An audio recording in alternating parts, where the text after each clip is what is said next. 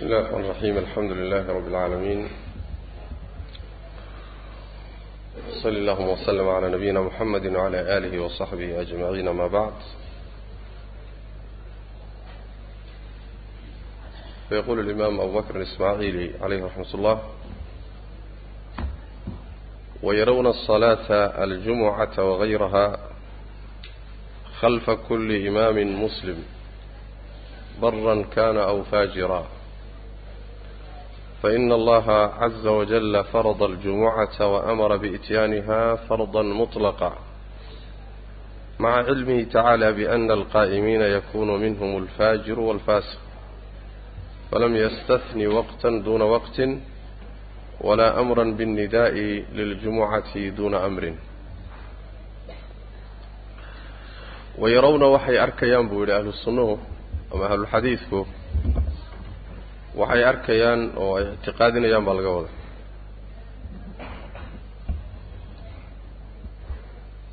aljumucata jumcadii iyo wakayrahaa jumcada waxaan ahaynba oo salaadihii jamaacada ah.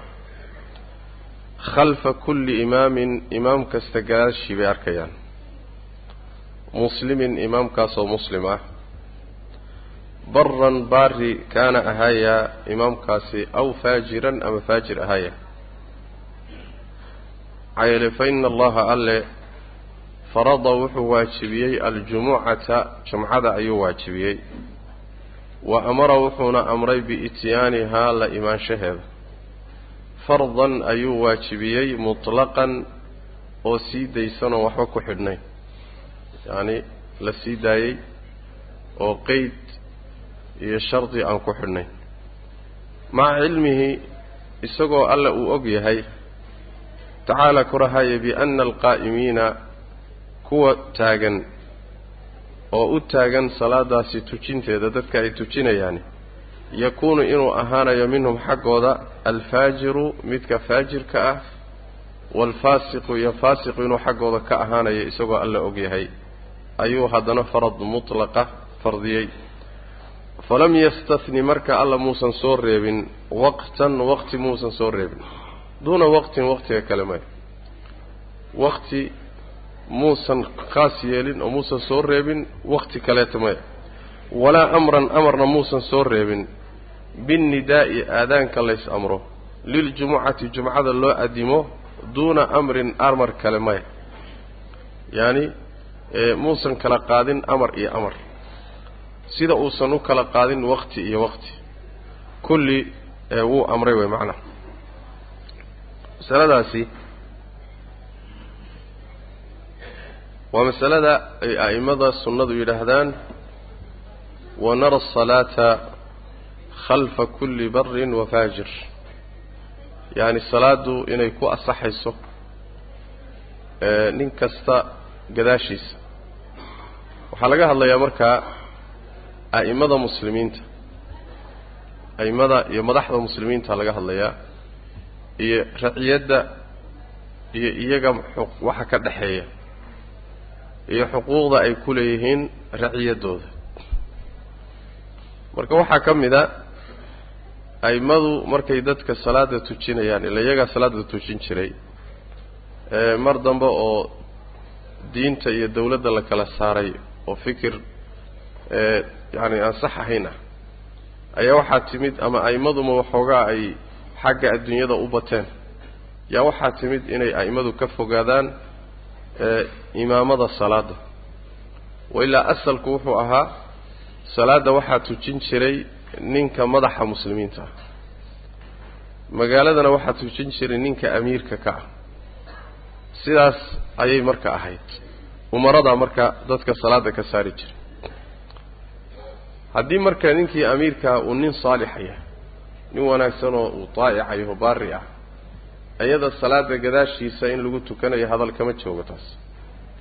Laakiin imaamkii hadduu faajir noqdo oo uu faasiq noqdo oo uu iska noqdo nin dembiyada waaweyn aan iska ilaalinayn khamrada cabaya laga yaabo inuu zinada muujisanayo laga yaabo inuu gacan ku dhiigla yahay oo safaag yahay hadduu faasiq yahay oo faajir ah imaamkaa gadaashiisa ma lagu daba tukanaya jumcada uu dadka tujinayo ma lala tukan. Jamaacaadka kale uu tujinayo ma lagu daba tukan.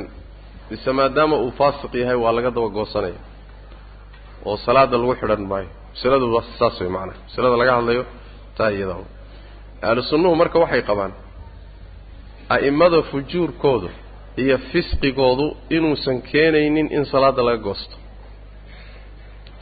Leanna salaadoo laga goosto waxay keenaysaa furqa muslimiintii oo qaybsama oo kala jaba dawladdii iyo nidaamkii oo la khilaafo. Shar iriddi baa furmaysa markaa. Shar iriddi ayaa furmaysa. Yacni waxa weeyaan waa kii uu dhihi jiray cabdullahi ibn mascuud radia allahu tacala canhu ardaa kama fi saxiix cuhmaan ibnu cafaan markuu afar ragcadood tujiyey xajka. Waa kii dhihi jiray laba ragcadood oo nebiga la tukan jiray. Baa ka khayr badan afartan cuhmaan kadibna waxaa la yidhi waad ku daba tukanaysaa haddana waad daliilaysaa see alkhilaafu sharun buu yidhi. Alkhilaafu sharun masaa-isha noocan oo kalea in madaxda lagu raaco oo dawladda lagu raaco nidaamka aan la jebinin ayay maslaxada ku jirtaa haddiise maanta aan salaada ka goosto cuhmaan oon idhaahdo afar buu tukaday. Anigu labadii nebiga un baan tukanahayaa cabdullahi bin mascuud baa khilaafay khaliifkii baa la dhihi halkaana dad baaba jid ka dhiganba dad meelay u maraan bala'aa inay dawladda ku kacaan. Baaba meeshaasi jid ka furanaya marka alkhilaafu shar fisqigooda marka iyo fujuurkooda iyo dembigoodu iyagu saaraya. Salaadda lagu daba tukanayana adiga waxba kaa dhinmi maayaan keliya waxaa la ilaalinayaa marka wada jirka iyo midnimada muslimiinta iyo nidaamka iyo kala dambaynta dawladda wada jirkaasaa la ilaalinaya macnaha. Ayib salaaddu marka gadaashooda waa ku asaxaysa xadiid baa ku soo arooray oo dhahaya salluu khalfa kulli barin wa faajir. Ruux kastoo faajir ah gadaashiisa ku tukada ama salluu khalfa kulli man qaala laa ilaha ila allah. Axaadiistaasi ma sugna waa daciif. Laakiin xadiidka sugani waxa weeye waa xadiidka fii saxiixi albukhaari ku sugan min xadiidi abi hurayra oo nebigu yuhi sal alla alay wasalam yusalluuna lakum fain asaabuu falakum walahum wain akhta'uu falakum wacalayhim nebigu wuxu uhi sal lla alay wasalam way idin tujinayaan. Haddii ay asiibaan oo salaadda ay idin tujinayaan si saxa ay ku keenaan iyaguna way leeyihiin idinkuna waad leedihiin iyaguna ajirkii bay leeyihiin idinkoo ku taba tukanayana waad leedihiin. Wa in akhta'uu hadday gafaan oo ay wax qasaan oo iyagii khaldan yihiin wuxuu nebigu uri sal lla alay slam falakum wa calayhim. Idinku ajirkiinnii waad leedihiin. Wixii khaladay sameeyeenna iyaga korkooda waay. Adiga waxba kaama saaran adiga ajirkaagii waad leedahay. Saas daraaddeed ku daba tuko ajirkaagiioo buuxana waad leedahay fisqigiisi iyo fujuurkiisana isaguu saaran yahay isagaa ilahay kala xisaabtamaya wiyo wuxuu khaldaba macnaha xadiidkaas ayaa ku tusaya. Sidaas daraaddeed asxaabu rasuuli llahi sal alay wasalam waxay ku taba tukan jireen hadyigooduna ahaa madaxda faajiriinta ah ama fusaaqda way ku daba tukan jireen. Salaadda kamayna goosan jiren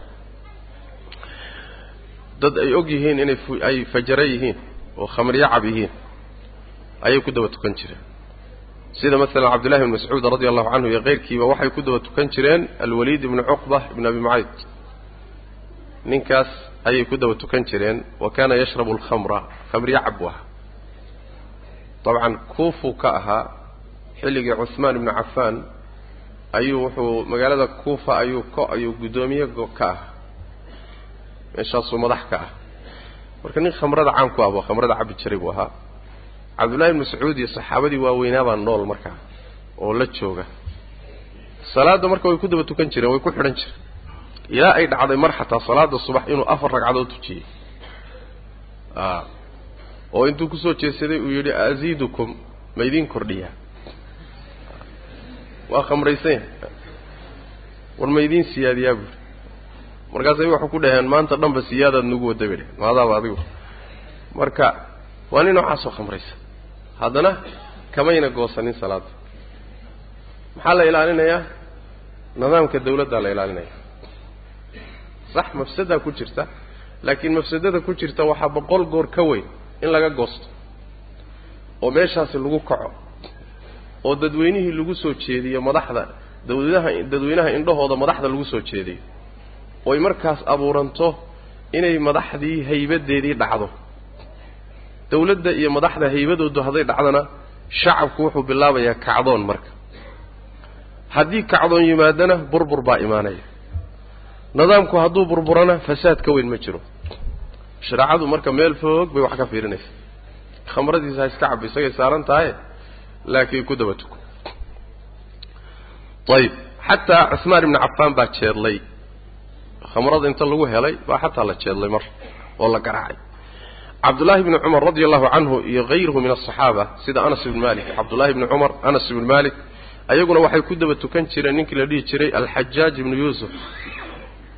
Xajaaj ibnu yuusuf waa taqaanaan waa ninkii safaagga ahaa way ee dhiigyacabka ahaa aada dadka u laayay. Xataa culimo fara badan buu qabaa.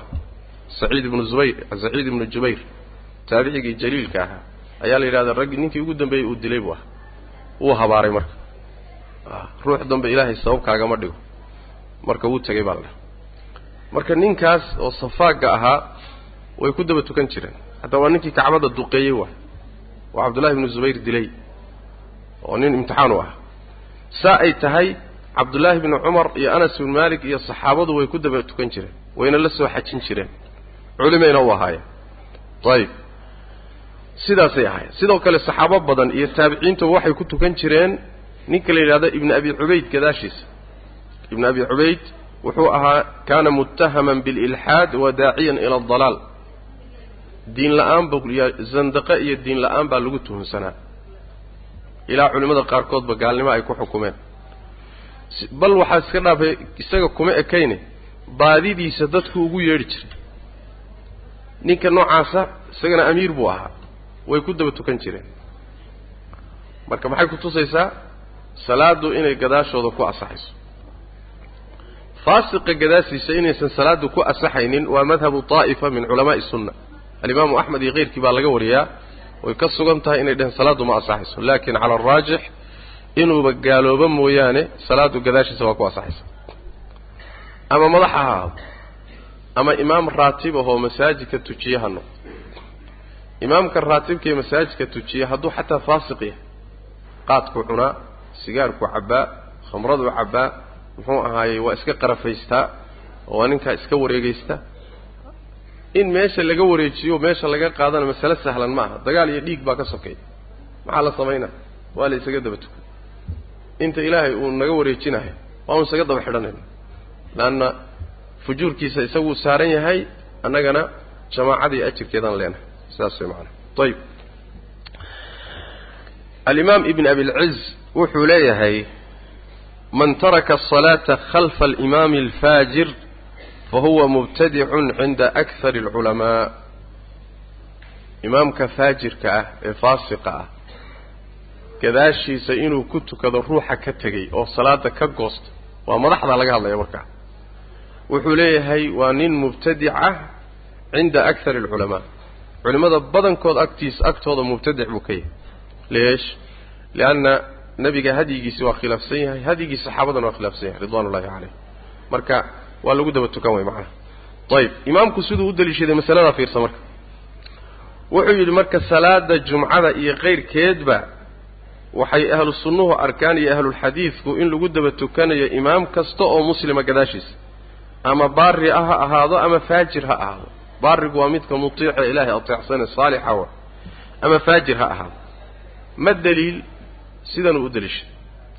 Wuxuu yidhi aayadda qur'aanka ee alla yidhi tabaaraka wa tacaala yaa ayuha aladiina aamanuu idaa nuudiya lisalaati min yowmi aljumucati fascaw ilaa dikri illah dadka mu'miniinta ahu haddii salaada laydinku yeedho maalinta jumcada ah aada dikriga rabbi tabaaraka wa tacaala xaggiisa aada oo u degdega. Wuxuu leeyahay marka aayadda iyada ah allah tabaaraka wa tacaala fa ina allaha alle caza wajalla farada wuu waajibiyey aljumucata jumcaduu waajibiyey oo muxuu ku waajibiyey? Idaa nuudiya lisalaati min yowmi aljumucati fascaw ilaa dikri illah amarkaasuu ku waajibiyey. Ayib wa amara wuxuuna amray biityaanihaa la imaanshaheeda. Salaada jumcada in lala yimaado. Fardan xaal uu yahay ama fardan ayuu waajib yeelay mutlaqan oon shardi ku xidhnayn.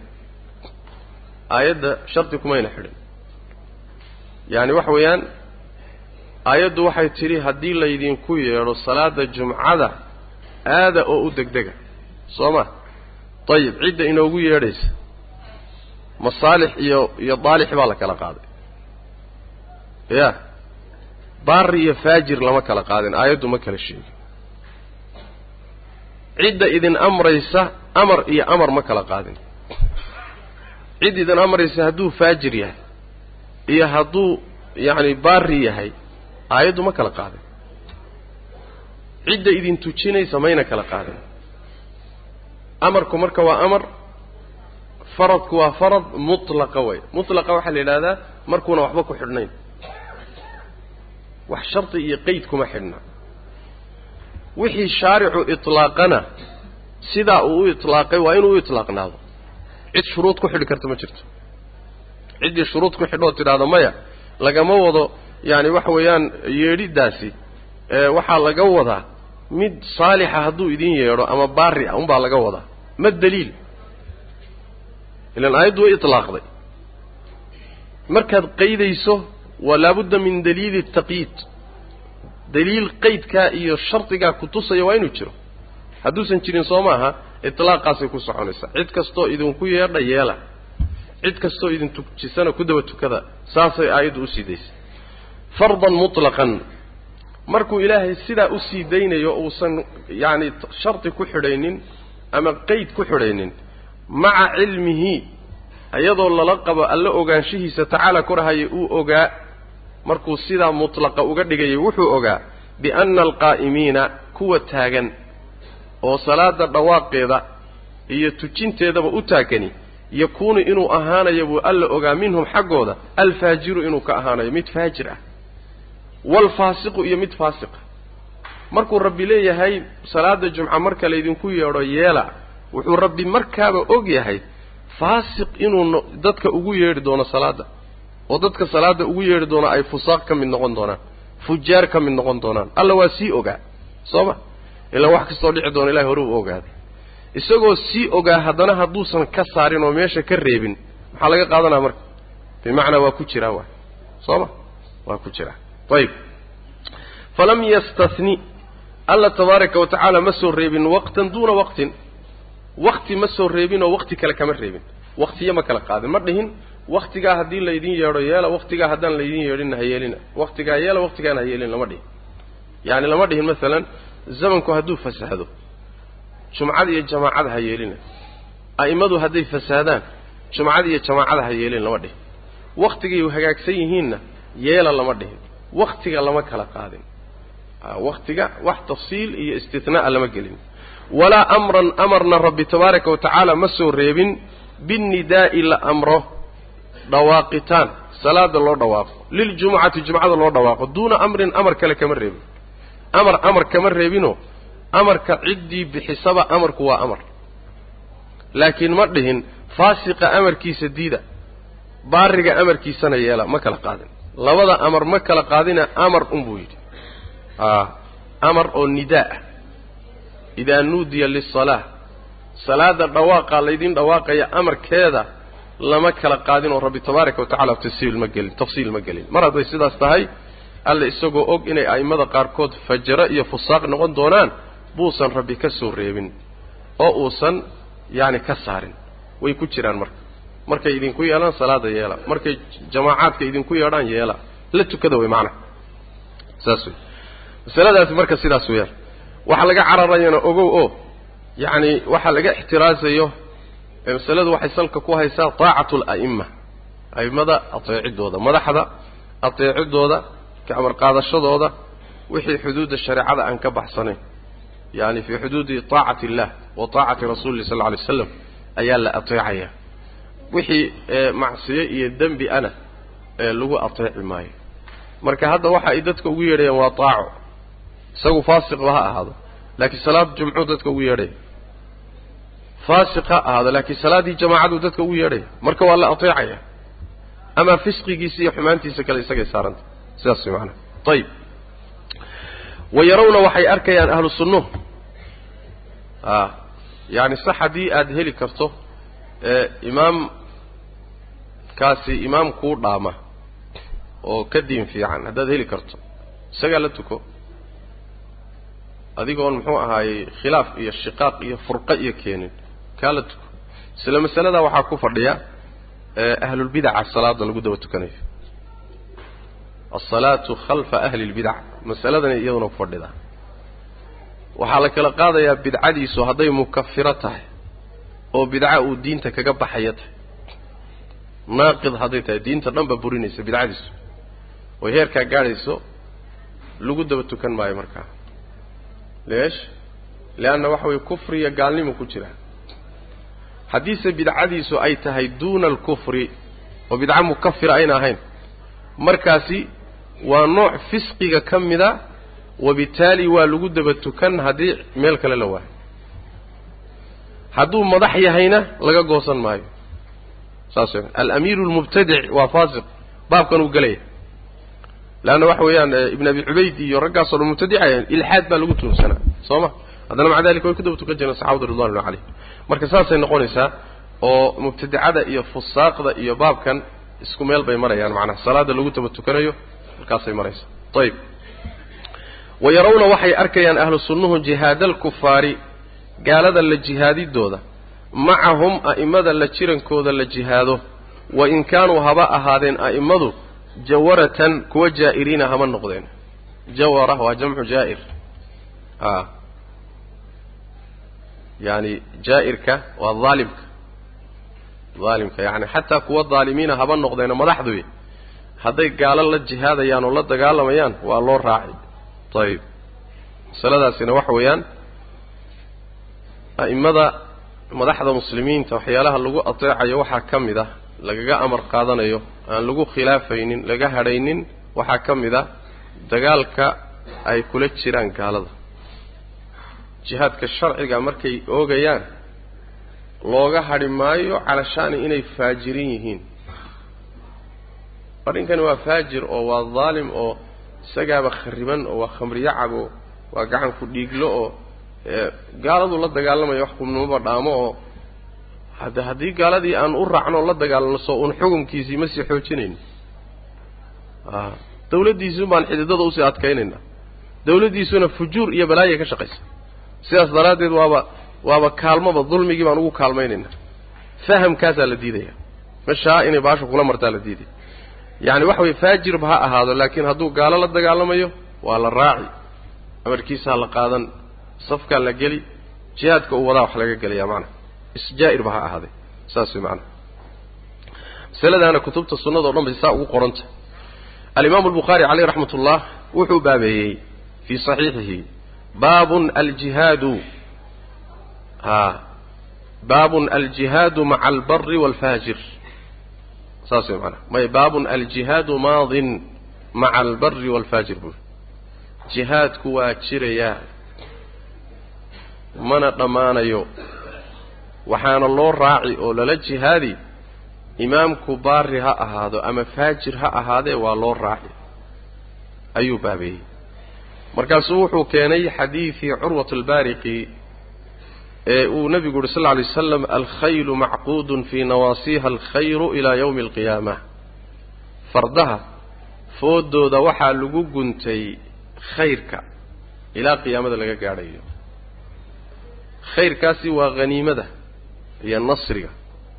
Guul iyo haniimo fardaha foodoodaa lagu guntay ilaa qiyaamadu ka imaanayso. Maxaa laga wadaa ilaa qiyaamadu ka imaanayso jihaadka iyo dagaalku waa jirayaa leanna waxa weeyaan fardahaas waxaa macnaha laga cabirayaa jihaadkii baa laga cabiraya xadiid nas ku ah baa jira masalada.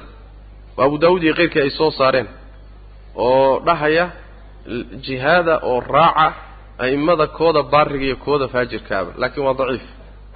Sidaas daraaddeed imaam albukhaari caleyh raxmat ullah intuu tarjamo ka dhigay buu xadiid saxiixa keenay oo macnaha faa'iideynaya mas'aladaa jihaadku inuu jirayo ilaa qiyaami saaca xadiidkan uu daliishiga loo daliishadayna alkhaylu macquudun fii nawaasiha alkhayr waxaa uga horreeyey imaamu axmed. Imaamu axmed baa isaguna saa u daliishaday waa marka khayrka lagu fasiro ee haniimada lagu fasiro. Xaggee buu xadiidkaa ka deliishanaya.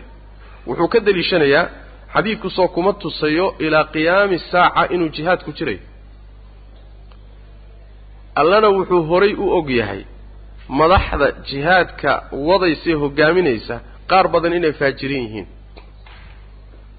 Haddana maca daalika marnaba ma imaanin kuwa iyaga ah ha laga hadho.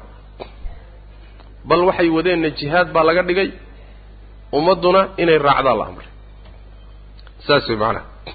Cadaaladda imaamka laguma shardiyeynin sidaasuu macnaha u daliishanaya alimaam albukhaari caleyh raxmat ullah masaladu waxa weeye marka aslun min usuuli ahli sunna waljamaca wey usuushooday ka mid tahay oo muxuu ahaayey arrintaasi jihaadka qaadidiisa a'imadoo la raaco madaxdoo la raaco jihaadka loo raaco kuma xidhna. Shartina uma aha inuu imaamku yahay saalix. Shardigaasi waa shardiga raafidada waay kelimaadka noocan oo kale ana ee kutubta sunnada ku yimaada inta badan waxaa lagu radinayaa raafidada nimanka shiicadan soo tilmaanay oo raafidadaa waxay yidhaahdaan laa jihaada fii sabiili اllah xataa yakhruja alridaa min ali muxamed wa yunaadii munaadin min alsamaa'i an ittabicuuhu wax jihaada ma jiray dhahan ilaa uu soo baxo midka raalli laga yahay oo moxamed aalkiisa ah oo samadana nalooga dhawaaqoo la yidhaahdo raaca. Mataqaanaa waxay ka wadaan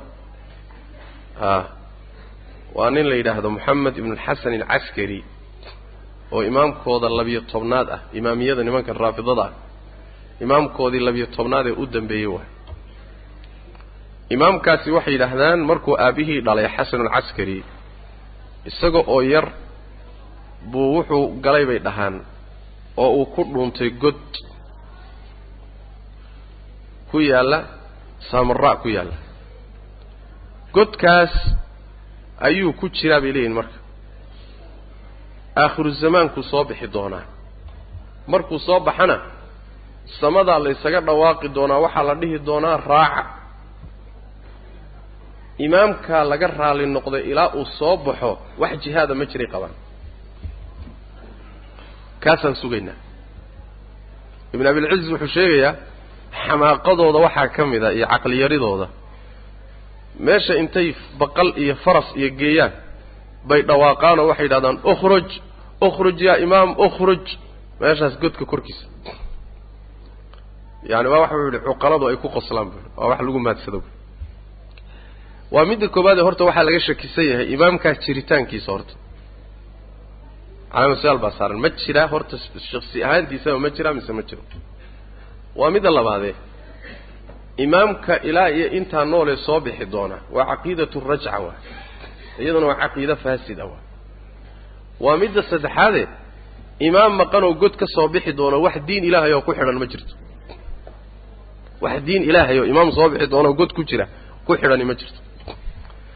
Nimankaas marka waxay qabaan imaamka jihaadka loo raacayo waa inuu yahay imaam raalli laga yahay samadana amarkiisu ka yimid saalix ah mid faajirana lama raaci karo. Raafidada warkeedaas ayay a'immadu sunnadu marka ku radinayaan markay leeyihiin wanara aljihaada maca ala'immati barihim wa faajirihim. Imaamiyada muslimiinta iyo madaxda muslimiinta jihaadka in loo raaco ama baari ha ahaado ama faajir ha ahaado. Raddan calaa man?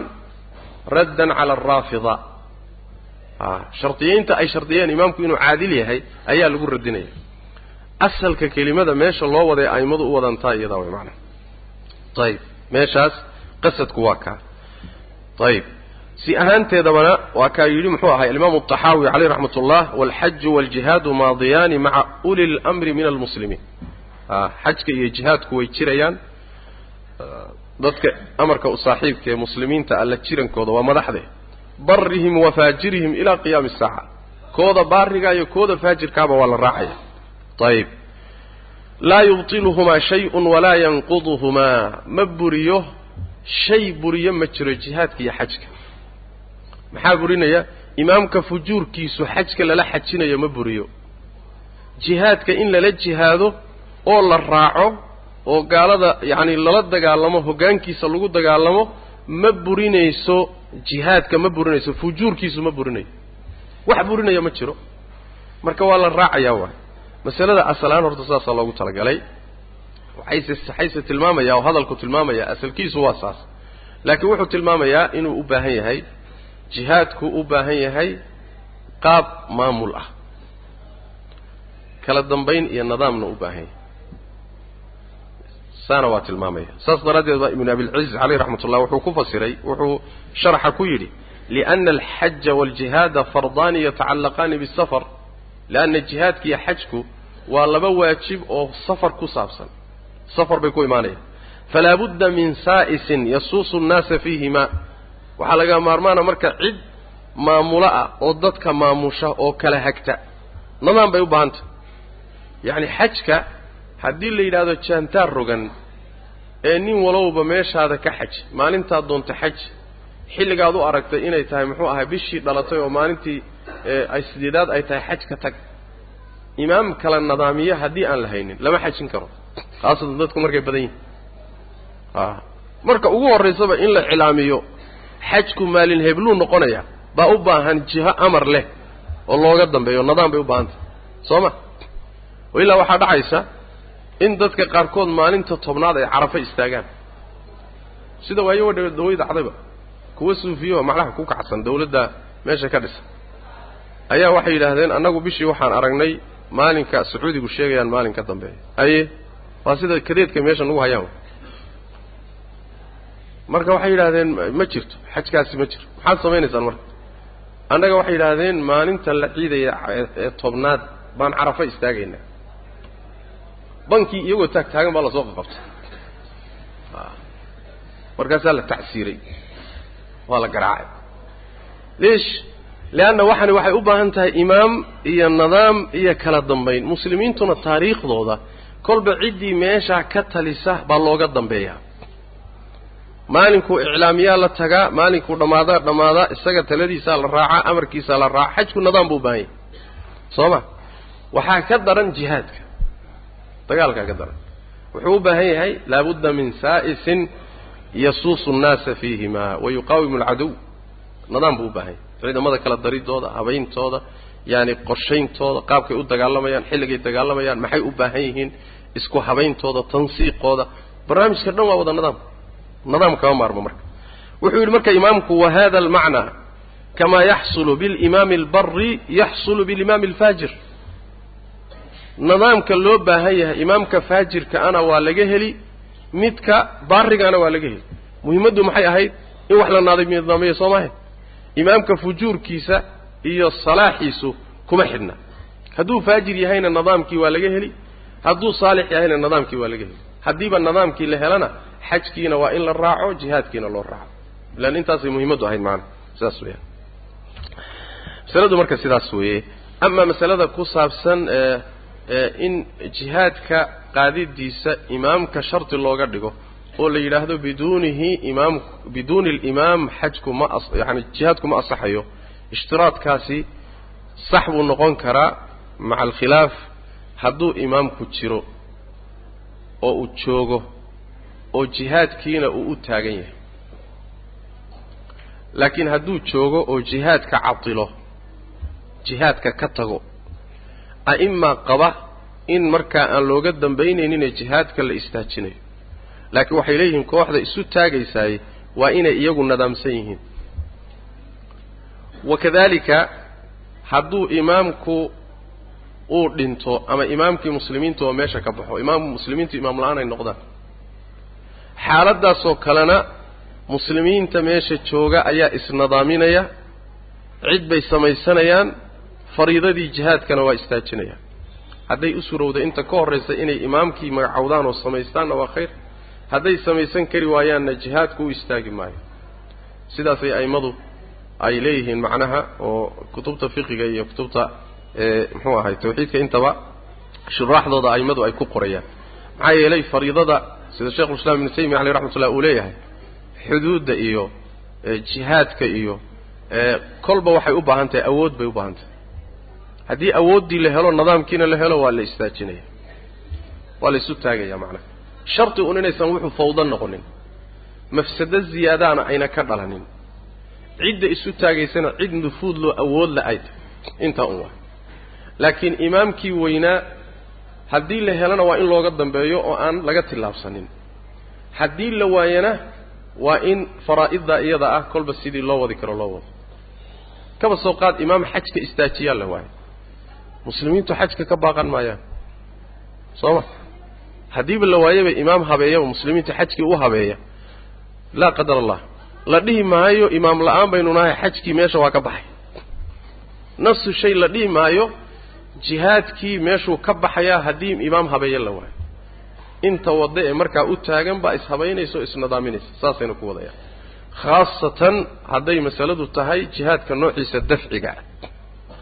Oo muslimiintu ayaga la soo weerarayo. Oo dhulkoodii la rabo oo iyagu ay dhulkoodii difaacanayaane uusan dalab ahayn. Marka waaba ka sii daran yahay xaaladda iyada ah si alla say isaga celin karaan cadowgooda oo shareecada waafaqsan oo xuduuddii shareecada aan khilaafsanayn bay isaga celinayaan. La dhihi maayo marka imaam baan meesha ku jirina isdhiiba oo gaalada u gacan gala la dhihi maayo. Dhulkiinana dhiiba oo yacani gaaladu ha qabsata la dhihi maayo. Si alla sidii ugu fiican ay isaga celin karaan bay isaga celinayaan maantana waxay muslimiintu ku jiraan iyo dagaaladay ku jiraan kulli waa dafci waay masaladu sidaasay ku fududahay. Kulli dagaalka muslimiintu maanta ay ku jiraan dagaal dalaba ma jiro. Oo gaaladii dhulkoodii inta loogu tagay dhulkooda lagu weerarayo ma jiro. Gaaladii baa dhulkii muslimiinta soo weeraraysa oo ugu imaanaysa. Oo yacani khayraadkoodii iyo dhulkoodii doonaysa inay qabsato. Marka inay iska celiyaan si alla sidii u suroobi kartay iyo si alla say isu habayn karaanna isaga celiyaan waa fariidaba fariido min faraa'id alislam way maanaa waajib sharciga way maanaa saas weeyaan loo istislaami maayo.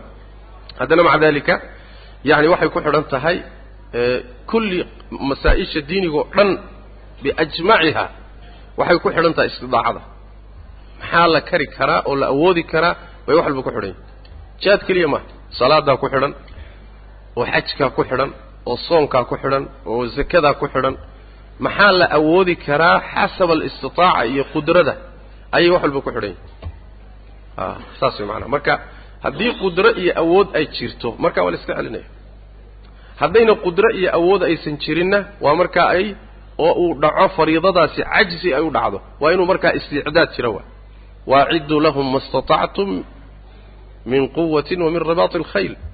Sheikhulislaam ibnu taymiya caleyh raxmat ullah wuxuu leeyahay faradka fariidada shareecadu hadday dhacdo waxaa laazimaya oo cajzi ay u dhacdo isticdaadkaa laazimaya buu leeyahy fi lfataawa saas way macanaa marka hadduu cajzi jirana waa inuu isticdaad jiro. Sidii loo noolayn lahaa. Hadduuna cajzi jirin oo qudro iyo awood ay jirtana waa in fariidada la istaajiyo saas way macanaa ayib haddana maca dalika ama dafci ha noqdo ama dalab ha noqdee jihaadka sharciga ah mar walba waa inuusan xuduudda shareecada tilaabin marnaba adiga rukso u heli maysid aniga cadaadis baan haystaayoo culays baa isaaranoo cadowgaa iga tan badanoo firii baan ahayoo shareecada xuduuddeeda saan doonaan u tasarufi maaha. Si kasta cadaadis kastooo ku haysta xuduudda shareecada ha dhaaf. Waqaatiluu fii sabiili اllahi aladiina yuqaatiluunakum. Maxaa ka dambeeya walaa tactaduu. Walaa tactaduu. Ictidaaga iska jira ictidaagu waxa weeyaan inaad axkaamta shareecada ka gudubto. Inaad iska tasarufto maya xuduudda shareecada ku ekow daa'iradaa iyada ah wixii aad qaban karto ku qabo. Wixii aad qaban weydood ka caajistoodan kari karin ha iska lifin. Isticdaadkeeda gal wakhtigeedana ha isdhibin wa yarawna waxay arkayaan aljihaad jihaadalkufaari gaalada la dagaalankooda ay arkayaan. Macahum la jirankooda aimada la jirankooda gaalada in lala dagaalamo. Wa in kaanuu haba ahaadeen jawaratan kuwa jaa'iriin ah. Ayib masaladaasi imaamada iyo wixii ku saabsan khulaaso un hadda ka bixiyey laakiin istidlaalaadkeeda iyo maxaa la kala daliishaday iyo xaaladaheeda iyo tafaasiisheeda muxaadaradii ku saabsanayd muxuu ahaayey alimaama maa laha ishtiraatu alimaama fi ljihaad maa laha wamaa calayha. Halkaas tafaasiisha waad ugu noqon kartaa ayib aimada jawrkooda waxaa loo leeyahay ha la raaco ha la raaco waxaa loo leeyahay lianna jawrkoodu aqalu sharan min tarki aljihaadi macahum laba waa min baab irtikaab akhafi dararayn wa irtikaab akhafi dararayn waay. Waxayna ku tahay haddaynu nidhaahdo imaamkan waa imaam jaa'ir ah waa daalim raacitaankiisa gaalada uu la dagaalamayo loo raacana dawladdiisii unbay sii xoojinaysaa. Wa sax xoojin bay u tahay. Xoojin bay u tahay oo gaaladaa inuu ka adkaado oo awooddiisii sii jirto dawladdiisi sii xoogaysato oo dulmigiisi unbu isaguna sii xoojinaya soo ma? Dhankaa marka mafsadda waa ka jirtaa ficlan. Laakiin mafsadadaa waxaa garab taalla. Haddaad ka hadhno oo laysaga hadhan la yidhaha oo gaaladii ka adkaato isagii. Ilan waa laga hadhay soo ma? Gaaladii buu la dagaalamo way ka adkaatay. Gaaladu xaggey aadi. Ya ma mariikh bay aadaysa. Mise dayaxay aadaysa dhulkay ku soo socotaa markay dhulkii qabsato oy dawladdii dumiso inay gaala qabsato dhulka oy dawladdii muslimka burburiso oy muslimiintii qabsato miyaa shar yar mise xaakim muslim oo jaa'ir ah jawrkiisi iyo fasaadkiisuna dhulka haysto inuu muslimiinta haysto oo isagu madax u ahaadaa roon keewa. Ya isagaa roon soo ma isagaa jaa'irkaa inuu kor saarnaado wuxuu dulmin karana dulmiyo wuxuu hagaajin karana hagaajiyo. Baa waxay ka roon tahay inta laga hadho gaaladu inay dhulka qabsato. Mafsadada mafsado aada wey markaasi ballaadhan waa. Kufri iyo fitno iyo balaayo wey markaas. Soo ma saas daraaddeed waa min baab dafci yani yani acdami almafsadatayni biirtikaabi akhafihima mafsadadan yartaa baan ku qasbannahay waxaana kaga hortegaynaa tu iyada ka weyn. Maqaasida shareecada wey marka. Ayib saas weeyaan. Wa yarawna waxay arkayaan a'imadu adducaaa ducayn lahum wayarawna waxay arkayaan dhe ahlu iyo ahlulxadiidku adducaaa ducayn lahum a'imada loo duceeyo. Bilislaaxi loogu duceeyo inuu ilaahay hagaajiyo. Waalcadfi iyo yacni laabid ilaahay inuu laabo. Ila alcadli cadaaladda uu u laabo inay cadaaladda u soo laabtaan iyo khayrka iyo diinta taa in loogu duceeyo. Fiqradanna wuxuu kaga hadlayaa masale ku saabsan a'imada in loo duceeyo oo loogu duceeyo ilaahay inuu hagaajiyo cadaaladdana waafajiyo oo u soo celiyo in loogu duceeyo. Taasay arkayaan. Waxaa macnaha ku tusaya xadiidka cawf ibnu malikin alashjaci imaamu muslim baa soo saaray fii saxiixihi wuxuu nebigu uri sal lla alay waslam khiyaaru a'immatikum aladiina tuxibuuna wayuxibuunakum tuxibuunahum wayuxibuunakum madaxdiinna akhyaartoodu waxa weeye kuwa aada jeceshihiin iyaguna idin jecel wa tusalluuna calayhim wayusalluuna calaykum aada u ducaysaan iyaguna idin duceeya wa shiraaru a'immatikum madaxdiinna kuwa sharka badanna waxa weeye kuwa shar kale ee madaxdiinni waxa weeye aladiina tubqiduunahum wayubqiduunakum way idin necab yihiin idinkuna waad necabtihin wa talcanuunahum wayalcanuunakum iyaguna way idin lacnadaan idinkuna waad lacnadaan. Balaaye iyo haybaarti iyo baas baa idin dhex yaalla. A kuwaasina waa shiraaru a'immatikum. Madaxda kuwa ugu shar badan waay ayib markaasaa saxaabadu waxay dhi ya rasuula allah afalaa nunaabiduhum cinda dalika oo arrintu haddayba gaadhayba inaan isnacnay. Aanan islacnadayno waxba uusan nooba dhexoolinba dee maanu marka seef u qaadanno afalaa nunaabiduhum bisayf markaa maanu seefta ku bilowno oo waxaan isdhaafinaba. A markaasaa nebigu wuxu uhi sal lla alay waslam laa maa aqaamuu fiikum asalaa maya. A seef ha u qaadanina hana la dagaalamina intay dhexdiina salaada ku oogahayaan. A salaaddii ma oogayaan ha salaadda intay oogayaan seefta iska ilaaliya. Xadiiskaasi marka waxaan u daliishanaynaa yani tusalluunahum wayusalluunakum way idiin duceeyaan idinkuna waad u ducaysaan marka in loo duceeyo a'immada waxay leedahay asal bay leedahay. Bal a'immada sunnada alimaam fudayl ibnu ciyaad imaamu axmedna waa laga wariyaa wuxuu dhihi jiray low kaanat lii dacwatun mustajaabatun lajacaltuha fi la'imma haddii aan lahaan lahaa hal baryo oo ilaahay iga aqbalayo hal baryo oo maanta la yidhaahdo hal ducaad leedahay oo maqbuul ah garanti ah. Ducadaa waxaan yeeli lahaa buuhi madaxda. Ilaahu madaxda noo hagaaji baan dhihi lahaa buui waxay kala muhiimsan yihiin carruurtiisa iyo islaamihiisa iyo adduunyadiisa iyo. Waxaa kala muhiimsan madaxda ducadooda. Sababtu maxay tahay? Lianna waxay leeyihiin salaaxu ala'ima yani salaaxu lumma waay wa fasaadu ala'ima fasaadu lumma yani ummad madaxdu hadday hagaagto ummaddii o dhan waa hagaagaysa. Hadday hallaabaan oo fasaadaanna bilaaddii iyo cibaaddii oo dhan baa la fasaadaya. Marka waa madaxii waay. Waa madaxii madaxaasi hadduu hallaabo waa la wada hallaabay marka. Yaani marka waa kelimo munaasib ah. Meesha kuugu daran haddii duca lagu siiyo laga aqbalayo meesha kuugu daran waa meesha dalka iyo dadkuba hagaajinaysa waay waana madaxa saas macanaa marka in loo duceeyo waa hadyigii salafka ridwaan ullahi calayhim oo ilaahu noo islaaxi la yidhaahdo ilaahu noo hagaaji la yidhaahdo ilaahu khayrka ku soo celi la yidhahdo ilaahu cadaaladda waafaji la yidhahdo loo duceeyo. Ayib marmar badan baa yaani xamaasku intuu kaa tambato baa waxaad leedahay war waxaan waxaan wada khariban maxaa looga ducaynaya waan garanayaa waagii aan jaamacadda tegey ayaa masaajidda xarameynka waxaa looga ducayn jiray madaxda. Ilaa madaxda muslimiinta hagaaji. Waan garanayaa marka ducada inteeda kale saan ugu bogsanahay markay soo gaadho madaxda in loo duceeyo baan ayaan qalbiga ka kahan jira on dhihi jira war waxan maxaa loogu ducaynaya ilaahu na dhaafi ma la dhaho marka waa nooc xamaasa waay nooc caadifa ilaahay tabaaraka wa tacaala waxba kuma aha inuu hal habeen wada hagaajiyo. Waa heli karaa soo ma marka beddelkii habaar iyo yacni waxa weeyaan ilan kullama adiga aad sii habaarto uu sii kharrimo. Waxun baa kaa soo saas ma. Ilaahuw kharrib oo naar gee oo balaayo ku rid oo oo haddee markuu sii kharrimaba soo waddankii ma sii kharrimayo illa waxun baad hagaajinine. Soo ma. Marka waxa weeyaan adigun baa ishabaari iyo dadkii baad habaari iyo dalkii.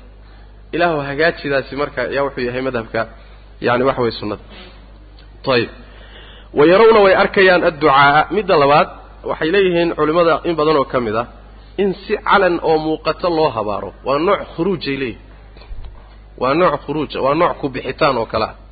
Mucaarado hubaysan oo kale ay ku dhowdahay maxaa yeelay haddii madaxdii masaajidda laga habaaro soo dagaal xarb yani iclaanu xarbin waay soo ma?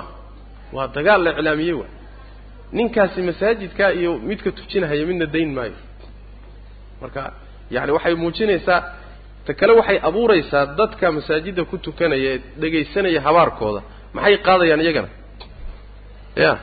Iyaguna waxay qaadayaan buqdi iyo nacayb iyo yaa la dagaalamo iyo marka dambe waxaa laga yaabaa inay keento masaladaasi irid u noqoto yacni waxa weeye mucaarado hubaysan oo markaasi ku kacda. Waxaasoo dhan ba iridahaasoo dhan baa marka la xidhaya iridahaas mafaasidaas oo dhan ayaa laga hortegaya macnaha wa yarawna waxay arkayaan ahlu sunnuhu adducaaa ducayn lahum a'immada loo duceeyo bilislaaxi loogu duceeyo ilaahay inuu hagaajiyo. Waalcadfi iyo laabid in loogu duceeyo ilaahay inuu laabo ila alcadli cadaaladda inuu u soo laabo. Yacni in cadaaladda u soo noqdaan in loogu duceeyo iyo khayrka. Walaa yarawna ma arkaan ahlu sunnuhu alkhuruuja bixitaan bisayfi sayf lala baxo calayhim a'immada korkooda lagula baxo yacni in seef loo qaato oo dagaal hubaysan lagala hortago oo lagu baxo ma arkaan ahlu sunnuhu. Saas way macanaha ayib xataa hadday jaa'irin yihiin oo ay wax badan kharribaan ooy dadka dulmiyaan haa xataa hadday ku garaacaan xoolahaaga qaataan caladaaladarro ku kacaan wain wain daraba dahraka wa akhada maalaka buu nabi ur sal lay slam dhabarkaaga ha garaaco xoolahaaga ha qaato ismac wa atic buu nabi ur sal lay slam maqal warkiisa oo ateec ha ku bixi.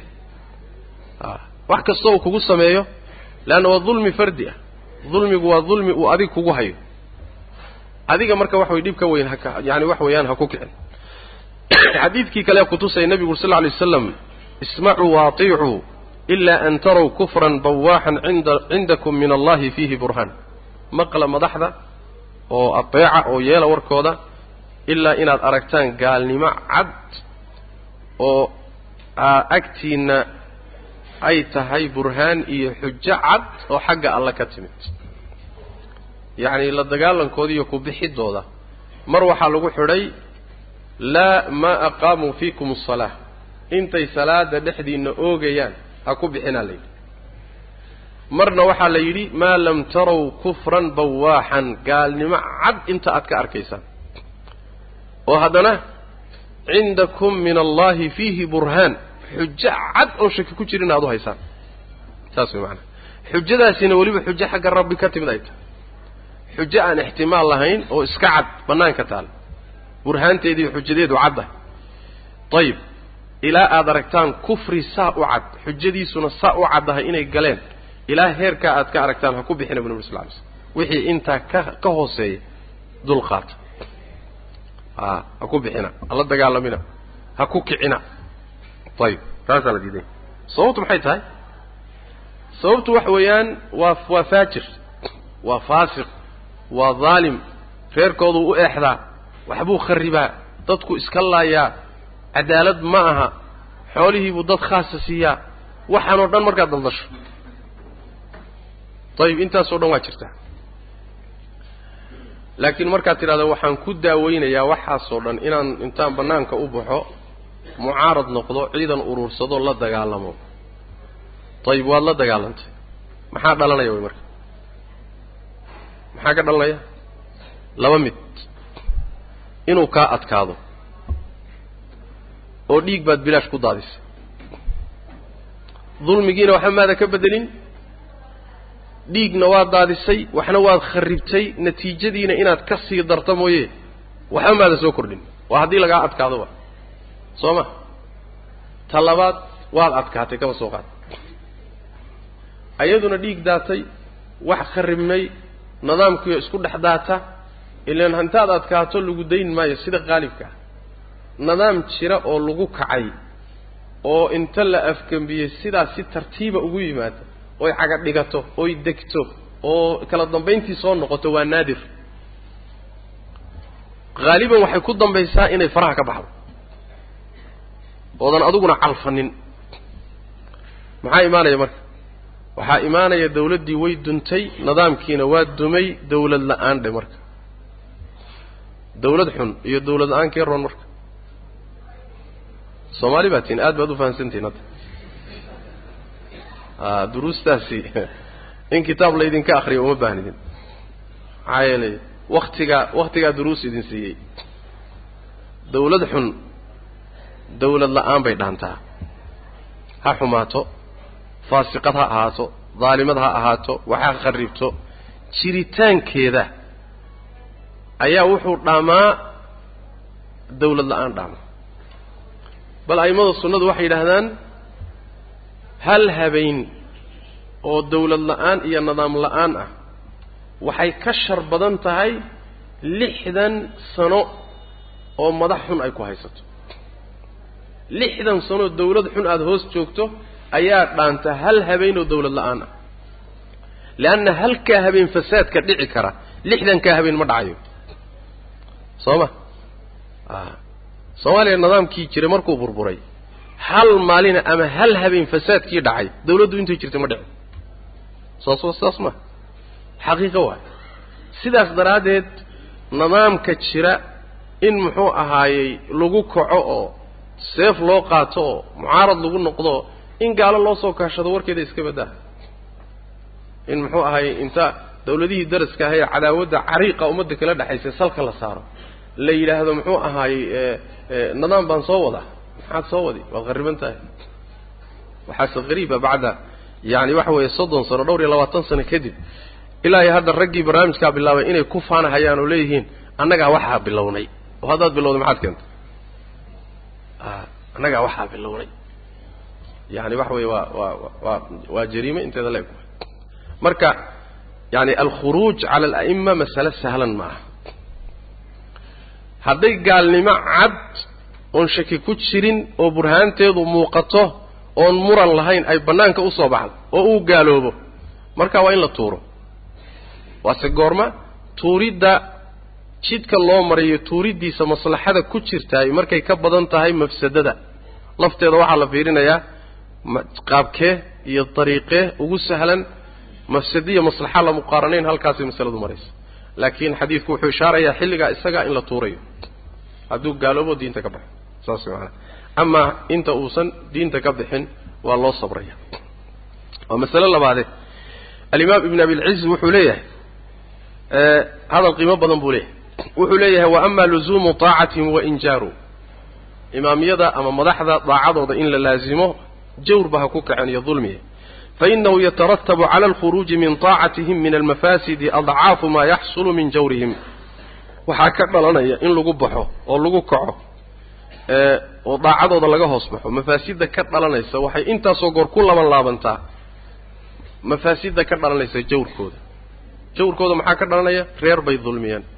Ruux baa la dulmiyey. Ruux baa la xidhay. Ruux baa la iska garaacay. Ruux baa lagu xadgudbay ruux baa xoolihiisii la qaatay. Koox baa la dulmiyey. Xuduuddu waa intaa.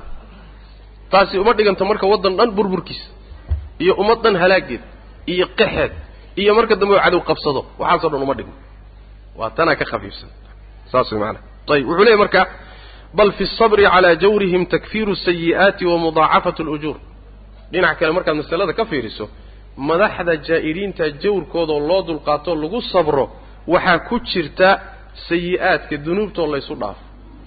Ajirkoo lagu laban laabo adoo dulman markaad iska dulqaadato ummaddaa maslaxadeeda caamka adoo ilaalinaya. Dulmiga adiga ku haysta aad ku dulqaadatood isaga sabirto ilaahay waa kuugu dambi dhaafaya ajirkana waa kuugu laban laabaya waa mid. Fa ina allaha tacaala maa sallatahum calayna ila lifasaadi acmaalina buy mid kalea inaga hoos baxsano ilaahay wuxuu inoogu sallidayba waa fasaadka camalkeenna waa. Soo ma? Xaggey ka yimaadeen soo innaga inagama dhalan innagu khalad aan gallay cuquubadii rabbi inagu ciqaabahayay baa iyaga noqotay. Iyagu waa cuquubo rabbi. Oo ilaahay innaga inagu edbinayo. Cuquubaduna xaggey ka timid yaa dhalay. Dunuubteennii baa dhashay. Soo maha marka? Innaga marka isaga un baan saarannahay balaaya allah ku rido naar alla ha geeyo ilaahay meel ha ka tuuro yaana dhaafiya. Laakiin cudurka adiga maadan fahmina adaa asal u ah. Ninkan xuni iyo madaxan xuni ilaahay tabaaraka wa tacaala yacni waxa weeye dubbo uu kugu garaacayo waay. Waa dubbo lagugu edbinayo laakiin sababta asalkeedu xaggee ka timid acmaasheenna waay. Soo ma saasuu leeyahy ayib waxaana ku tusaya maa asaabakum min musiibatin fabima kasabat aydiikum. Idinkaa shaqaystay. Wakadalika nuwallii bacda aldaalimiina bacdan bima kanuu yagsibuun daalimiinta daalimiin baan u dhiibnaa buu rabbi yihi tabaaraka wa tacaala. Waxay kasbadeen dartii. Qowm saalix oo hagaagsan ilaahay tabaaraka wa tacaala madax ashraar oo khariban uma dhiibo. Asxaabu rasuulillahi baa ummadda ugu akhyaarsanaa raggii aada garanaysaan baa loo dhiibay. Soo saas ma? A kullamaa zamanku soo fasaado mujtamacu sii fasaadana madaxduna waa fasaadaysa kullamaa mujtamacu hagaagana madaxdu way hagaagaysa ilan iyagun bay ka imaanaysaa soo ma? Ilaahay tabaaraka watacala marka saasuu ku islaaxinaya ayib kamaa takuunuuna yuwallaa calaykum waay. Wuxuu sheekhu leeyahay marka waljazau min jinsi alcamal facalayna alijtihaadu fi listigfaari waltawbati waislaaxi alcamal. Buuli xalku xaggee ku jiraa marka. May ninkan lagu kaco lala dagaalamo seef loo qaato jabhado la noqdo qabiilooyin la noqdaa taasuu xal ku jira maya. Daawadu waxay ku jirtaa cudurka sababtiisa in la zuuliyo oo ah in ilaahay tabaaraka wa tacala dembi dhaaf la weydiisto la tawbad keeno camalka la hagaajiyo. Marka ilaahay aada ishagaajisaan ilaahay kuwan ama wuu hagaajin ama wuu idin dhaafin. Soo ma? Ina allaha laa yugayiru maa biqawmin xataa yugayiruu maa bianfusihim dad waxa ku sugan ilaahay ma bedelo ilaa ay naftooda waxa ku sugan bedelaan markaad idinku isbeddeshaan oo salaax iyo wanaag la timaadaan ayaa ilaahay tabaaraka wa tacaala hagaajinaya. Ama kuwan idin haystuu hagaajin ama iyaga intuu si fudud ilaahay idinku dhaafiyo kuwa idinka fiican idin keenaya xal baa imaanaya laakiin geedkiioo jirridda ka kharriban oo xididada ka kharriban yaa waxaad doonaysaan caleentii allaamuhu inay hagaagaan. Ma dhisi karta adiga? Ma dhisi karta. Waxaan sababkiisa intuu taagan yahay waa taagnaanaya.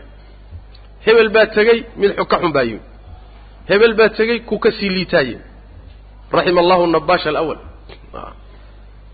raxima allahu annabaasha alawal carabtaa bixisay waa mahmaha waxay yidhaahdaan nin waxaa jiri jiray qubuurta marka ruuxa la aaso intuu qabriga faago ayuu kafanta kala bixi jiray.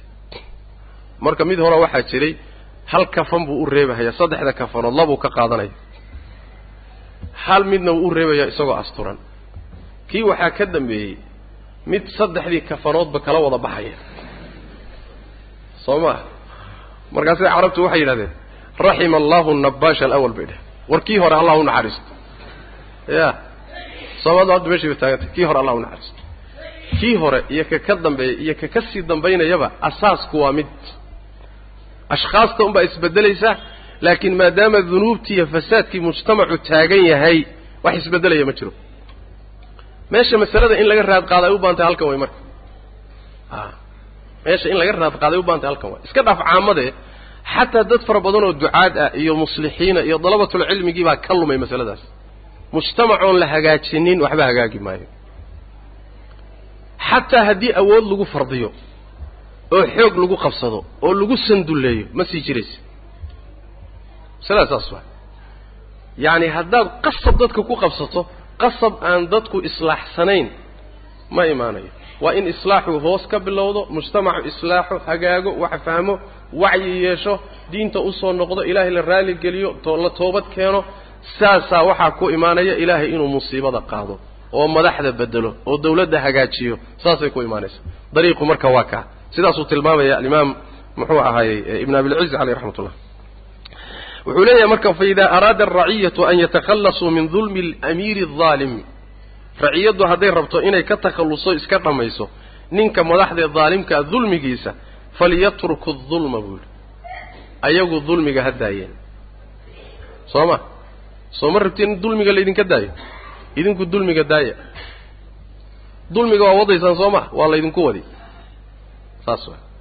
Leanno kamaa tadiinu tudaan waay waaljazaau min jinsi alcamal dulmiga daaya oo qabyaalada daaya oo gobolaysiga daaya oo fasaadka daaya oo isnacaybka daaya oo guruubaysiga daaya oo fuxshiga iyo xumaanta daaya oo gaala jacaylka daaya waxan iyo fasaadkan markaad daysaan ilaahay tabaaraka wa tacaala dulmiga waa idinka qaadaya ciddii idin dulminaysaba waa idinka qabana laakiin intaad waddaan meeshaa un aad ku sii jeedaan ood leedihin war kuwan maxay ahaayeen kuwan maxay ahaayeen weligiinba ku haya kuwan maxay ahaayeen? Dee waa idinka.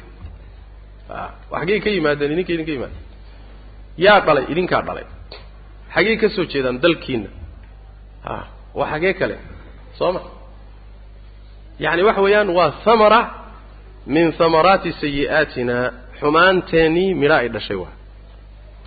Masalada suurada saxda ah iyo fahamka saxda iyo fiqiga saxda ah kaa isagaa wey dariiqa saxdana kaa ee wax lagu bedelo ee muxuu ahaaye ilaahay tabaaraka wa tacala uu jiday walaa yarawna ma arkaan marka alkhuruuja bixitaan bisayfi seef lagula baxo calayhim a'imada korkooda. Oo macnaha waxa weeyaan kacdoon hubaysan lagula baxo. Leanna fasaadka ka dhalanaya iyo dhibka ka imaanaya ayaa ka badan jiritaankooda fasaadkiisa. Walalqitaalana ma arkayaan ahlu sunnuh dagaalan filfitnati fitnada dhexdeeda lagu dagaalamo. A waxyaalaha yaani qaarkood oo yimaada markuu yimaadaa lala mucaamaloodaa hadda masalan wadaaddo dhowraan weydiiyey. Arrimahan hadda ka socda muxuu ahaaye caalam alcarabi yaani tawsiifkeeda sharciga maxaa la dhihi karaa? Ma khuruuj ba mise waa maya?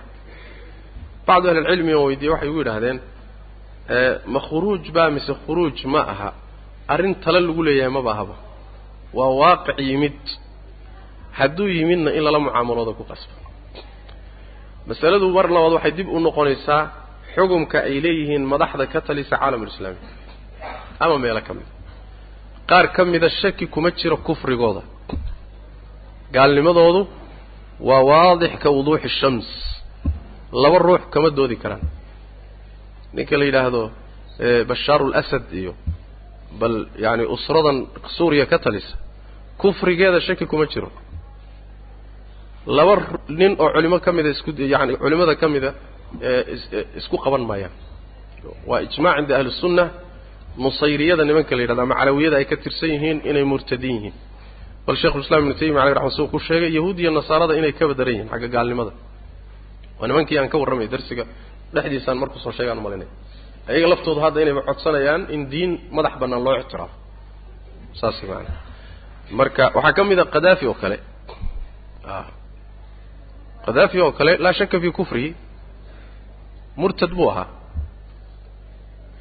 toobad keenaya meesheeda way laakiin waa murtad waa horay culimadu xukumeen sheekh ibnu baaz caleyh raxmat ullahi iyo keyrkii waa hore la xukumay oo riddadiisa la xukumay marka qaar ka mid oo sidaas oo kale ah gaalnimadooda shaki kuma jiro kuwa kalena dood baa ka taagan oo masale waxay ku xidhan tahay axkaamtan ay waddanka ku xukumayaan ma ku gaaloobayaan mise ku gaaloobi maayaan? Oo sharcigii rabbi tabaaraka wa tacaala meesha ka fogeeyeen. Masaladaasi waa masale kale marka. Laakiin xukunka ay qaadanayso arrintan hadda socotahay waxay leeyihiin inta culimo loo bandhigay war maxay tahay? Iyo see la yeelaa iyo ma khuruuj ba mise khuruuj ma ma bannaan tahay mise ma bannaana? Wax kale wax yacani laisweydiiyeba ma ahayne. Wixii yimid ee meesha hadda soo kordhay sida uu u dhacay in lala mucaamaloodaa lagu qasbanya saasay leeyihiin amrulwaaqica in lala mucaamaloodo ayaa lagu qasbanya ilaa dhowr nin oo culimada ka mid aan weydiiyey saasay leeyihiin ayib laakiin shaki male hadduu muslim yahay oo xaakimka la xukumo inuu muslim yahay. Kacdoonkana uu yahay kacdoon hubaysan oo dagaal ah. Inuu khuruuj yahay shaki kuma jiro. Wasfiga khuruuj inuu qaadanayo markaa shaki male saas maana wala ma arkaan ahlu sunnuhu walaa yarawna ma arkayaan alqitaala dagaalan fi lfitnati fitnada dhexeeda lagu dagaalamo fitnada waxaa la yidhaahdaa waa dagaalka muslimiinta dhexdooda ah intaa keliya maaha haddana waxay isku dagaalamayaan ay tahay adduunyo darteed ama ijtihaadkoodoo iskhilaafay bay isku dagaalamayaan dagaalka noocaasa ee muslimiinta dhex mara ayaa waxaa la yidhaahdaa fitna la yidhahdaa fitna dagaal kastooo muslimiinta dhex maraayo fitna ma ah dagaal waxaa jira muslimiinta dhex yaalla oo aan fitno ahayn oo saxaa jira. Qaar ba noo soo socdaa ka mid a fiqrada tan ku xigta wuxuu ina dhihi doonaa wayarawna qitaala alfi'ati albaaqiya maca alimaami alcadli. Labada dhinacee ku dagaalaysaba waa muslimiin. Dhinac baa gar loo garab la siinaya xaq buu noqonayaa qolo fariido fara faraa'idda shareecada ka mid a intay ka tageen faraa'idda daahirada ka mid a oo intay ka tageen. Kadibna awood laho dagaalamaya iyagoo muslimiina lala dagaalamay haddana dagaalku waa xaq. Wahaakadaa ciddii fasaadkiisa la dafcin kari waayo ilaa bilqitaali waalqatli muslim ba ahaadee waa lala dagaalami. Haddana dagaalkaasi laba muslim buu udhexeeyaayo waa xaq. Marka macnuhu ma aha sax ma aha marka fitna la qeexayo in la yidhaahdo alqitaalu bayna almuslimiin oo intaa lagu qeexo intaa la yidhaahdo intaa keliya maaha. Wuxuu u baahan in qeyd kale la raaciyo oo la yidhaahdo waa dagaal muslimiinta ka dhexeeya. Waxa loo dagaalamayana ay tahay ama milki ama kursi ama adduunyo lagu dagaalamayo. Ama ma ahe waxaa lagu dagaalamayaa ijtihaad iskhilaafay oo aynan ahayn in lagu dagaalamo ayay ku dagaalamayaan saas macanaa waa midka loo yaqaano yani alqitaalu fi lfitnati bita'wiil waana dagaalkii saxaabada dagaalkii saxaabada ridwan ullahi calayhim ee sifiin iyo jamal macaarigta iyadee saxaabada dhex martay laa shaka inay fitno ahayd nebigaa sheegay salawatu rabbi waslamu aleyh axaadiid cadcad baa ku sugan oo fitnahe ayib fitnaha ahaatee wuxuu ahaa dagaal xarbu fitna bita'wiil buu ahaa bita'wiil labada qoloba muta'awiliin bay ahaayeen ee dagaalamaya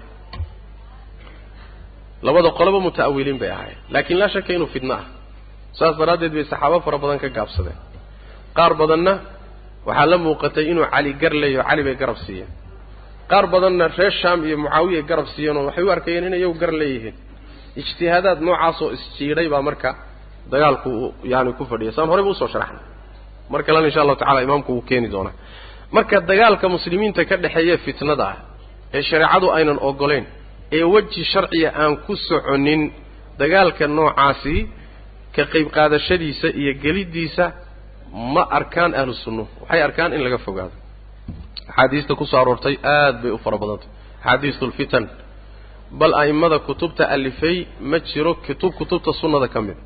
Ilaa sida qaalibka ah kutubtu waxaa ka mid ah kitaabu lfitan way kaga hadlayaan.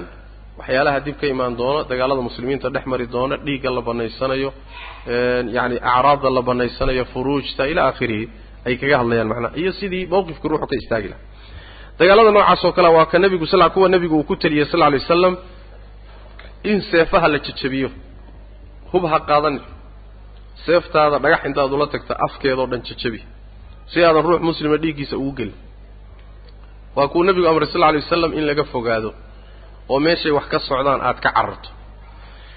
Man kana lahu ibil falyalxaq biibilihi waman kana lahu hanam falyalxaq bihanamihi ninkii geella geeliisa ha u cararo ninkii adhilana adhigiisa ha u cararo ninkii beerlana beertiisa ha u cararo ninkii intaa midna aan lahayna intuu seeftiisa jejabiyo wejigiisa ha u dhaqaaqo siduu ku badbaadi lahaa ha ku talagalo marka inaad ka fogaato oo aadan dhex boodin leanna waxa weeyaan kullamaa aad tilaabo u qaaddo iyadoo laba tilaabay kuu soo qaadaysa.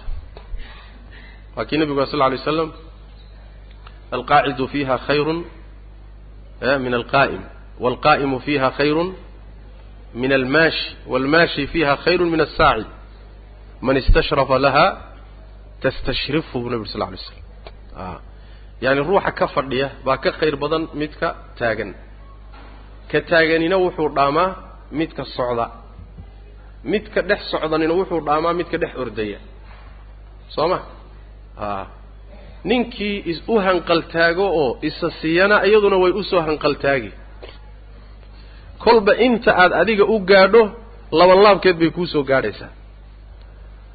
Haddaad waxoogaa sheeko iyo ka ka warhayn iyo waxoogaa inaad dhega-dhegayso war anigu waan dhega-dhegayaa xaggay wax marayaan maanta yaa adkaaday yaa laga adkaaday xaggay wax mareen. Dhega-dhegayntaasi markaad bilowdo waxoogaaba iyaduna kuugu kordhini soo ma? Dhega-dhege markaad shirarkeeda iyo abaabulkeeda iyo waxoogaageeda ka qayb gashana waxoogaabay kugu darsan iyaduna. Intii ku ekaan mayso. Soo ma? Markaad wax ku bixinta iyo ra'yiga iyo hawshaa ka qayb gashana iyaduna way kugu sii darsan man istashrafa laha tastashrifu. Adiga u hanqaltaag ayaduna way iskaa siinaysaa maanaa shantay kula geli. Marka nebigu sal lay slam wuxuu leeyahay ka fogaada waxaa ka mid a talooyinku nebigu bixiyey sal lay waslam muslimiinta xilliga dagaalku uu dhex socda noocaasee fitnada ah inuu ruuxu si uu dhiig muslim uga badbaado inuu isdhiibo. Abu dhar nebigu sal lay waslam wuxuu kula taliyay bay ahay kun ka khayra bnay aadam aadam labadiisii wiilee isdilay kii khayrka badnaa noqo. Kee khayr badnaa kii wax dilay mise kii la dilay? Ya kii la dilay. A wuxuu nabigu uri sal lla alay waslam haddaad xataa ka baqdo seefta kugu dhacaysa ee ku dilaysa dhalaalkeeda iyo wilicdeeda aad ka baqdo inaad ishayn weydo madaxa iyo wejiga mara saaro. Ha ku dilo naar ha aado adiguna muxuu ahaaye dembigaagi iyo dembigiisiiba hala noqdo. Soo ma bimacnaa waxaa laga hadlayaa intii suurtagal ah dhiig ka fogow. Xataa adiga ha lagu dilo. Intaad wax dili lahed ha lagu dilo. Talooyinka nebigu bixiyay sal lla alay slam talooyinku bixiya waxaa ka mid ahayd alcusla inaad duurka u cararto. Magaalooyinka iyo goobaha wax ka socdaan o dhan inaad ka cararto. Oo waxoogaa xaynoo adhiya intaad samaysato duurkaa ku samaysato meelaha roobku ka da'o iyo buuraha iyo meelaha inaad isaga tabcato fitankana aad diintaada kala cararto. Waktiga la ammaanay buu nebigu shegay sal lla alay waslam saas way maanaa oo mukhaaladada ay cusladu ka fadli badantah xilliga uu zamanku fasaado dadkuna fasaadaan. Sidaasn talooyinka nebiga ayay ka mid tahay sal lla alay slam waxaa ka mid ah talooyinka nebigu bixiyey sal lla alay wasalam yacni waxa weeyaan in aad u go'do cibaadada ilaahay. Masaajidka iska gasho iska cibaadaysato leanna waxa weeyaan alcibaadatu fi lharji ka hijratin ilaya bu nabir sal lla alay slam xilliga muslimiintu islaynayaan ruuxu inuu intuu dhegadhegaynta iyo waraysiga iyo ka dhexgalka intuu ka baxo cibaadada inuu u go'o waxay la fadli tahay hijro aniga la iisoo hijrooday oo kale. Kaana adigu nebi maxamed oo nool u tegay oo la noolaadoo kale ay ka dhigantay ajriga xaggeeda saas maana marka in cibaadada la ysaga mashquulo waa xal. Waxaa ka mid a xuluusha nebigu sheegay sal lla alay wasalam khud maa tacrif wadac maa tunkir wixii cad oo bannaanka yaalloo diintood garato qaado. Wixii aad garan weydoo shaki kaa galana ka carar. Ha khamaarin ha khamaarin xilli la khamaara ma ah. Halis waa. Xilligan oo kaleeto mabaadi'da waaweynee cadcad baa lagu dhagaa. Wax alla waxaad hubi weydana banaankaa laga maraa. Wax alla wixii ku caddaan waayo banaankaa laga maraa. Waxaa ka mid a talooyinka nebigu bixiyey sal lla alay waslam xilligan oo kale sidan markay wuxuu jiraan iltizaamu alcilmi waalculamaa a in aad cilmiga iyo culimada laasimto maxaa yeelay inta badan sida nebiga axaadiisa bisixaaxa ku sugan saxiixeynka iyo keyrkood ku yimid wuxuu ku tilmaamay fitanku markay imaanayaan waa marka cilmiga la rafciyo. Saasay isu daba yaallaan cilmiga marka la rafciyo culimmadu dhintaan xilligaasay inta badan fitanku soo baxaan. Cilmiga iyo culimmaduna waa dadka ugu dhow oo ilaahay tabaaraka wa tacala fitanka ka badbaadiyo. Marka iyaga inaad ku cararto laakiin iyaga haddaad ka cararto inaad fitno ku dhacayso shaki kuma jiro. Xilliga noocan oo kale ah oo fitanku taagan yahay. Adiga nebiga salawaatu rabbi wasalaamu caleyh marka xuluul fara badan iyo irshaadaad iyo tawjiihaad fara badan buu ka bixiyey oo hadday ummaddu qaadan lahayd wax badan fududaan lahaayeen. Wax badan baa fududaan lahaa shaki male laakiin mushkiladu waxay ka dhacday nin walba wuxuu leeyahay maya anaa wax hagaajin anaa wax hagaajin taydu waa hagaajin. Tayda waxbaan hagaajinaya anaa wax hagaajintaas baa la iska gaadhay marka. Adiga wax hagaaji baad is leedahay laakiin buda caydhin baad ku shubtay. Buda caydhin baad ku sii shubaysa dabkaa un inaad wax ku sii daarta mooyaane waxba uga rayn maysa. Marka fitanka in laga fogaado madhabu salaf weeye saxaabada ridwaanullaahi calayhim xataa dagaalkay galeen. Oon hadda sheegnay inuu xarbu fitna ahaa axaadiistuna ay ku tusayso in badanoo saxaabada ka mida way ka gaws qabsadeen wayna ka istaageen. Rag badanoo ajillatu saxaaba ka mida ayaa ka tegey. Isaga gaabsaday oo labadii kooxood midna aan la dagaalamin dagaalka aan la gelin. Maca daalika labada kooxood saan horeyba u soo sheegnay ee dagaalamay uma aynan sinayne qolaa xaq lahayd. Marka la yidhahdo qoladee xaqsan cali iyo kooxdiisa xaqsanay oo xadiis baa kutusaysa haddana maca daalika iyadoo labada qolo midi ay xaqsan tahay tagalana laga gar leeyahay labadooduba se mujtahidiin ay yihiin oo midna uusan caasi ahayn oo labadooduba ijtihaad ay ku socdaan oo ma'juurin yihiin.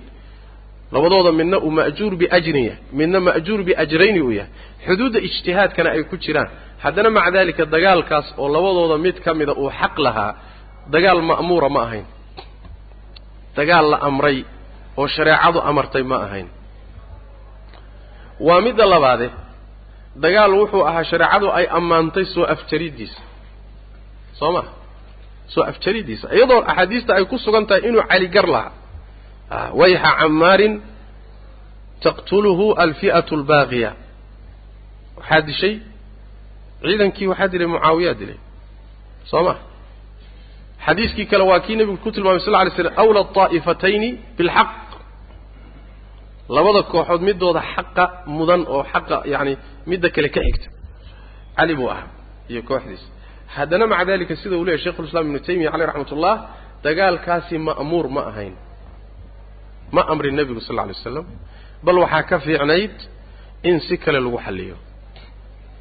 Macnaheeduna ma aha fitno waxaa la dhahaa un markay labada kooxoodba xaqa u siman yihiin ama xaq la'aanta u siman yihiin markaasuu fitno noqonaya maaha xataa iyadoo labada kooxood middood ay xaqa u dhowdahay ayuu dagaalku fitno noqon karaa. Mithaalka ugu dhowna waa dagaalka saxaabada. Majmuucu lfataawaga akhriya ibnu taymiya caleyh raxmat ullah markuu masalada ka hadlayo dagaalku lam yakun ma'muuran ma amri nebigu sal lay slam hadduu inuu sii socdo iyo jiritaankiisu xaq yahayna ninkii sababtii uu ku joogsaday lama ammaaneen soo saas ma ina bnii hada sayidun yuslixu allahu bihi bayna fi'atayni cadiimatayni min almuslimiin wiilkaygani waa sayid ilaahayna wuxuu ku islaaxin doonaa laba kooxood oo waaweyn oo muslimiinta ama mu'miniintaoo dagaalamaya maxaa lagu ammaanay inuu dagaalkii af jaray soo ma inuu dagaalkii af jaro isaga sababtiisa heshiiskiisa ku dhammaaday ayuu nebigu ku ammaanay salawatu rabbi waslamu caleyh dagaalku marka inuusan dhicin buu ku fiicnaa in la af jarana oo uu dhammaadana waa ku fiicnaa sii socodkiisuna ma fiicnayn. Macnaheedu waxa weeyaan waata nebigu ugu tilmaamay sal ly slam inuu fitna yahay soo ma? Taa waxaa la leeyahay marka in laga taxadaro dhiig muslim daadintiisa bixaalin min alaxwaal ilaa xaalaad khaas oo shareecadu soo istitnootay oo shuruudeeda iyo quyuuddooda wadata mooye dhiig muslim in laga cararo. Yaa intaasoo dhan laga hadlaya. Leanna siduu leeyahy shekhulislaam ninka la yidhahdo alimaamu shaafici caleyh raxmatullah iyo alimaam ibnu xasmi labaduba waxay leeyihiin bacda ashirki wa bacda alkufri dembi ka weyn ma jiro dhiig muslim oo xaq darro lagu daadiyo. Gaalnimo marka laga yimaado. Dembiga soo raaca weyniga waa dhiig xaqdarro lagu daadiyo. Sidaasay nusuusta kutusaysaa been imaamu shaaficina saasuu leeyahay gadaashiina ibnu xasmi baa odhanaya hawsha saa u culus marka. Hawsha saa u culus waa in aada looga taxadaro oon lagu fududaanin oo aad laysaga ilaaliyo. Taasay marka ku saabsan tahay wala alqitaala walaa yarawna ma arkaan alqitaala dagaalan fi lfitnati fitnada dhexeeda lagu dagaalamo la dhex ordo oo laga qayb qaato. Bal waxay arkayaan alimsaaku canha waalibticaadu canha iyo intii laga fogaan karo in laga fogaado. Hada wabillahi tawfiiq wsali allahuma waslm ala nabiyina mxamedi wala alih w sabi waslm